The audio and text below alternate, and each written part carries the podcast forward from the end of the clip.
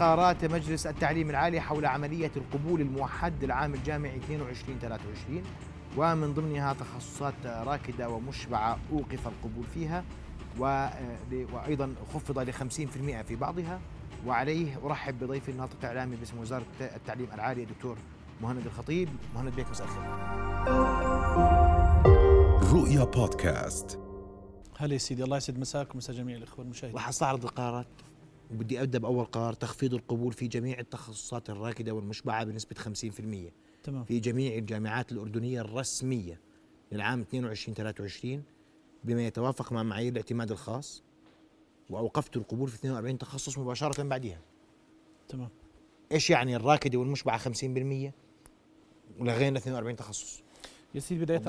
مساءكم ومساء جميع الإخوة المشاهدين. مساء النور. آه، البند الأول فيما يتعلق بتخفيض القبول بنسبة 50% هناك مجموعة من التخصصات الراكدة والمشبعة تضمنتها التقرير الذي أعلنته آه، ديوان الخدمة المدنية مؤخرا. وبالمناسبة قرارات المجلس هذه ليست مبنية فقط على تقرير ديوان الخدمة المدنية. هناك تقارير من وزارة العمل هناك تقارير من المركز الوطني آه، لتنمية الموارد آه، البشرية وأيضا هناك تقارير من دائرة الإحصاءات العامة. وبالتالي نحن لا نتحدث فقط أو نحصر أنفسنا في التخصصات الراكدة والمشبعة في القطاع الحكومي فقط بل بجزء كبير أيضا من القطاع الخاص.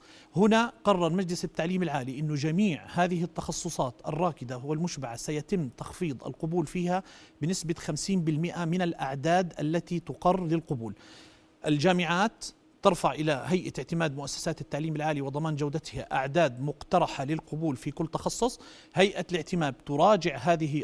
الأعداد في ضوء تطبيق معايير الاعتماد والطاقات الاستيعابية وقرارات مجلس التعليم العالي السابقة المتعلقة بالتخصصات الراكدة والمشبعة واليوم في قرار جديد بتخفيض هذا العدد بنسبة 50% بالقبول. بمعنى أنه تخصص معين لو اتفقت جميع الأطراف أنه سيقبل فيه 100 طالب في ضوء هذا القرار إذا كان تخصص راكد أو مشبع سيقبل فيه 50 تخصص.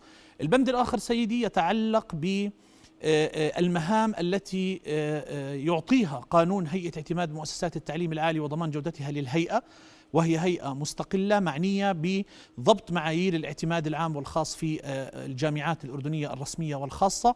هناك 42 تخصص. ما بين تخصصات وجد أن هناك طاقات هناك زيادة أو تجاوز للطاقات الاستيعابية في هذه التخصصات، هناك تخصصات أخرى وجد أن هناك خلل في بعض معايير الاعتماد الخاص، أذكر منها على سبيل المثال عدم توفير أعضاء هيئة تدريس عدد كافي يتناسب مع عدد الطلبة في مختلف الرتب الأكاديمية، عدم توفير مثلا مختبرات، قاعات تتناسب، أيضا هناك زيادة في أعداد الطلبة على مقاعد الدراسة، هذا الإيقاف في ال 42 تخصص هو إيقاف مؤقت. بمعنى إنه على عمليه القبول الموحده التي ستبدأ خلال الأسبوع القادم للفصل الدراسي الأول من العام الجامعي القادم موقف القبول فيها في حال قامت الجامعات بمعالجة الخلل في معايير الاعتماد أو بعد نهاية الفصل الدراسي الأول وتخرج طلبة من هذه التخصصات وانخفاض أعداد الطلبة على المقاعد الدراسية تنخفض الطاقات الاستيعابية وبالتالي يمكن إعادة فتح هذه التخصصات ل 42 تخصص على بداية الفصل الدراسي الثاني بتنسيب أيضا من هيئة الاعتماد كما تم الإيقاف بتنسيب من الهيئة. 50% تخفيض على تخصصات و42 مغلقات الفرصة للطلاب صارت أقل.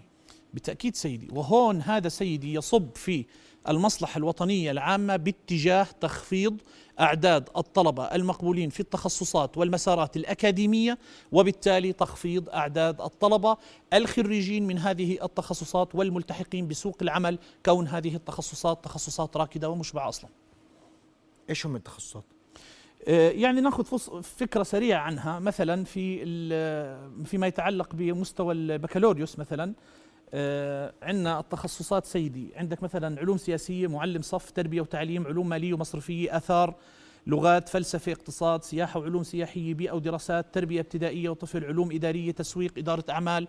كما نشاهد أنها أغلبها تخصصات آه إنسانية ولا يوجد فيها تخصصات تطبيقية وتقنيه وهذا الأمر فعلا هذه التخصصات 42 تم إيقاف القبول فيها؟ لا, لا. هذه التخصصات الراكده والمشبعة. أيوة اللي خفضناها 50% تمام. التخصصات ال 42 تخصص حقيقة إحنا كوزارة التعليم العالي ليست الفكرة بإعلان هذه الأسماء التخصصات والجامعات بقدر ما يعنينا التأكيد على دور الهيئة في ضبط معايير الاعتماد العام والخاص وضبط مخرجات التعليم آه، وعندما يدخل الطالب إلى موقع وحدة تنسيق القبول الموحد أو إلى برمجية تقديم الطلب لم تكون هذه ال 42 تخصص موجودة في شاشة الخيارات مين أبلغته؟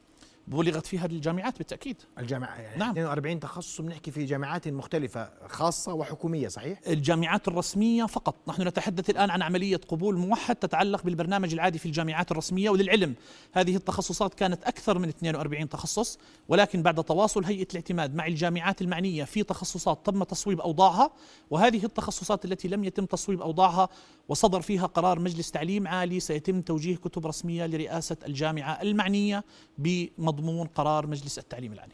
كم جامعة شملها القرار؟ جميع الجامعات الجامعات الرسمية العشرة. يعني 42 تخصص موزع على الجامعات الرسمية العشرة. ومتى الكتب رح تطلع للجامعات؟ قبل نهاية الأسبوع بإذن الله. يعني قبل يوم الخميس. بالتأكيد. ونهاية الأسبوع الحالي مع إعلان نتائج الثانوية العامة بإذن الله. ستقوم وحدة تنسيق القبول الموحد بإطلاق موقعها الإلكتروني محدثا بالبيانات والمعلومات اللازمة لتنفيذ عملية القبول لهذا العام ومن ضمنها التخصصات التي ستكون متاحة لعملية القبول. إنت نطيت هناك أنا ب- بضلني معك. الخميس 10 صباحا إعلان موعد إعلان نتائج الثانوية نتائج العامة. الثانوية متى سيبدأ القبول الموحد باستقبال الطلبات؟ بمشيئة الله منتصف الأسبوع القادم بإذن الله يوم الثلاثاء أو الأربعاء على أبعد تقدير إن شاء الله. كم يوم رح تستقبلوا الطلبات؟ آه، عادة إحنا بنستمر من سبع إلى عشر أيام ولكننا محكومين بأعداد الطلبة الحاصلين على معدلات 65% فما فوق الذين يحق لهم تقديم طلبات.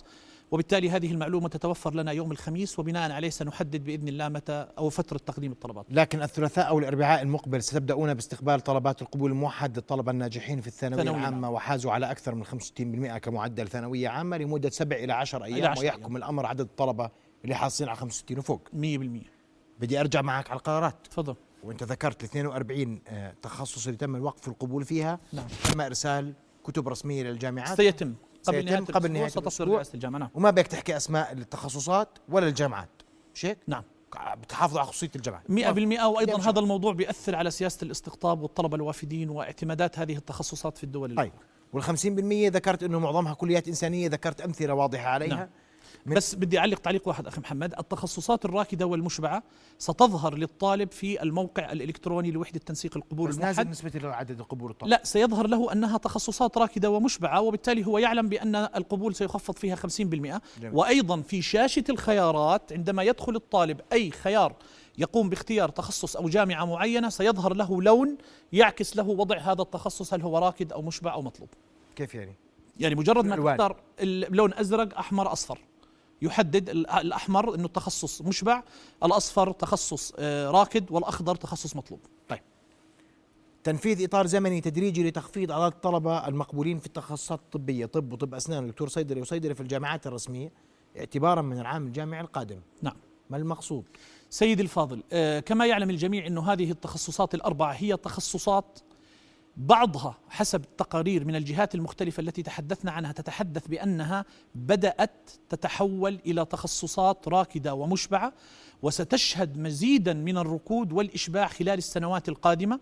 أضرب على سبيل المثال أنه عندنا حاليا 38 ألف طالب أردني على مقاعد الدراسة يدرسون في تخصص الطب. 19 ألف خارج المملكة 19 ألف داخل المملكة. هذا يضق ناقوس خطر بأنه لابد أن يقوم مجلس التعليم العالي بتخفيض الأعداد في هذه التخصصات. ولكن كما نذكر دائما بأن قرارات مجلس التعليم العالي لا يمكن أن تكون قرارات أكاديمية بحتة. لابد أن تأخذ بعين الاعتبار مجموعة من العوامل الاجتماعية والاقتصادية التي تؤثر على قرارات مجلس التعليم العالي.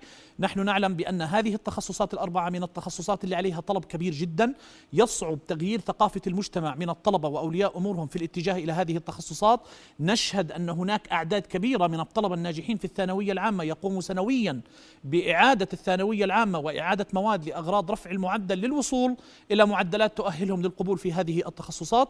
كل هذه العوامل ستؤخذ بعين الاعتبار وستبدأ عملية تخفيض تدريجي في أعداد المقبولين في هذه التخصصات حتى نصل في لحظة معينة بعد سنوات أننا لم نقبل في هذه التخصصات إلا ما تمليه علينا الطاقة الاستيعابية من هيئة الاعتماد خاصة وأن هذه التخصصات آه، يعني تخصصات لها طبيعة خاصة فيما يتعلق بقضية التدريب العملي والتدريب انت عارف شو رح يصير لما تسكروا التخصص أو بلاش تخفضوه خفض آه بدك تخفض صح؟ نعم. السنة الجاية بتلاقي صار في الأردن 18000 طالب خارج الاردن 20000 ما هم راح يطلعوا يدرسوا برا يا يا سيدي أنا بشكرك على هذا السؤال. هون يا سيدي بتيجي تكاملية قرارات مجلس التعليم العالي وإنك لازم تنظر إليها كحلقة كاملة.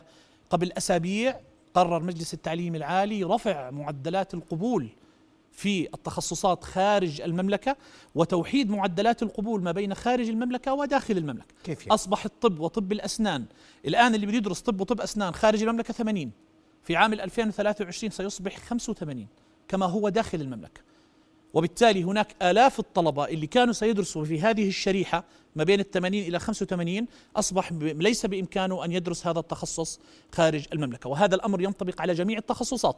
صيدلة ودكتور صيدلة وهندسة كان 75 أصبح 80 كما هو داخل المملكة. التخصصات الأخرى اللي كانت خارج المملكة 60 عادت إلى 65 كما كانت داخل المملكة. وهذا قرار تكاملي مع قرارات المجلس بأنه تخفيض القبول 50% في التخصصات الراكدة والمشبعة ورفع القبول في التخصصات خارج المملكة حتى لا تتوجه هذه الآلاف من داخل المملكة إلى خارج المملكة بس راح يتوجهوا رغم ذلك أه بس راح أحكي لك أنت بتقول لي ثقافة مجتمع أنا سيدي. بحكي معك في الثقافة اليوم اللي ابنه جاب 85 وعشر وهو مقرر يدرس طب راح يدرس طب. سيدي مش الفاضل. مش مش في الأردن حيطلع برا. أنا بأيدك بهذا الكلام. نحتاج إلى فترة حتى نعدل ال ال وجهة نظر أو ال ال يعني الإشي الموجود في المجتمع. ولكن أنا كمجلس تعليم عالي أشرع أرسم سياسات أحفز أوجد بدائل لأبنائنا الطلبة. بعد ذلك إذا أصر الطالب على هذا الخيار رغم كل ما بذلت معه كل ما قمت به من دور توعوي أصبح هذا خيار للطالب هو يأخذ هذا الخيار ويتحمل هذه المسؤولية. طب قديش نسب التخفيض راح تكون في كلية الطب؟ آه، هلا هذا سي والأسنان والصيدلة 10% 5% لا هذا 7%. سيدي الآن يعني سابقا لاوانه حقيقه لأنه إحنا الآن كما ذكرت لك إحنا الآن في مرحلة جمع الأعداد المقترحة للقبول من ال- الجامعات. آه، بننتظر تنسيبات هيئة الاعتماد في ضوء الطاقات الاستيعابية التي سوف تقوم برفعها لمجلس التعليم العالي. سننتظر لنرى أعداد الطلبة الحاصلين ليس فقط على معدل 65 بدنا نشوف معدل 90 فما فوق 95 فما فوق مين فيهم؟ حصل على هذه المعدل لأول مرة فئة سنة حالية مين فيهم؟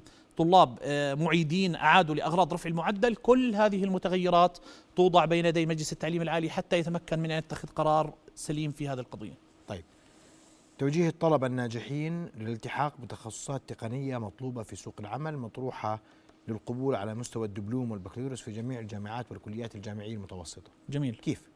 سيد الفاضل إحنا لدينا كليات مجتمع بتدرس مجموعة من تخصصات الدبلوم المهني تسمح لي بس في دقيقة بدي أذكر لك بعض هذه التخصصات تفضل. وأنا على يقين بأنه ستتفاجأ شخصيا وسيتفاجأ الإخوة المشاهدين من أن هذه التخصصات تخصصات موجودة في كليات المجتمع. آن الأوان لأبنائنا الطلبة أن يفكروا خارج الصندوق وأن يتوجهوا إلى هذه التخصصات. أذكر منها على سبيل المثال تخصصات تخصص الدعم اللوجستي تخصص شوف تخصصات إنسانية ولكنها تخصصات جديدة ومطلوبة لسوق العمل محليا وإقليميا وعالميا. تخصص العلوم الجمركية والضريبية. تخصص التسويق الإلكتروني الإدارة السياحية والضيافة خدمات المسافرين الرعاية البيطرية تقنيات المعلومات والأرشفة الرقمية الأمن السبراني تكنولوجيا التعليم الإلكتروني إرشاد وتمكين الأسرة القياس والتشخيص لاضطرابات التوحد الإعلام الرقمي الترجمة الأرصاد الجوية آه، ذكاء الأعمال التكنولوجيا المالية فني مؤسسات الإيواء.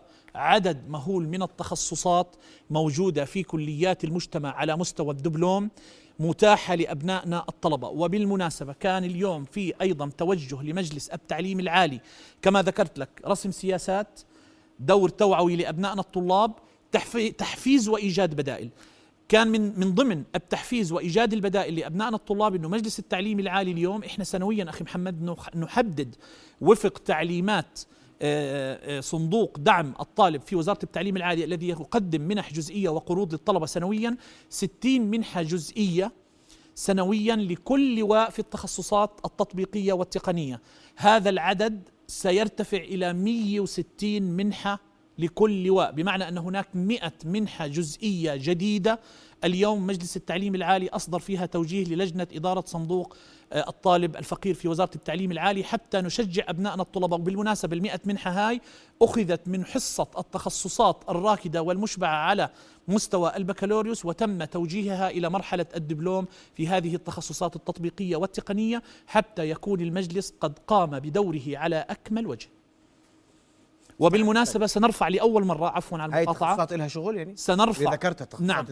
في لها شغل موجود تخصصات مطلوبة يا سيدي في سوق العمل وفقا للدراسات الصادرة عن ديوان الخدمة المدنية وعن كل الجهات التي تحدثنا عنها وسيتم لأول مرة وضع رابط بهذه التخصصات على الموقع الإلكتروني لوحدة تنسيق القبول الموحد رغم أنه عملية القبول في تخصصات الدبلوم هي عملية قبول مباشرة مع الكليات وليس من خلال لكن. الطالب يوم يوم يوم الثلاثاء والأربعاء المقبل يمكن له أن يفتح على ما- يدخل على الرابط يشوف شو التخصصات اللي ممكن يسجل فيها دبلوم والشغل فيها موجود لأنه نعم. مطلوبه في السوق بدي أ- بدي اسمح لي آه، تفضل. بدي أبتعد عن توجيه الجامعات والكليات الجامعية الرسمية والخاصة للقيام باستحداث التخصصات وإعادة النظر في الخطط الدراسية واستمرار العمل على تطوير متطلبات الجامعة والمساقات المطلوبة وأنتقل للموضوع الأخير طلب من الكليات الجامعية والمتوسطة والجامعات الأردنية الرسمية والخاصة تزويد مجلس التعليم العالي تقارير سنوية تضمن اعداد الطلبه من, من الخريجين من كل جامعة.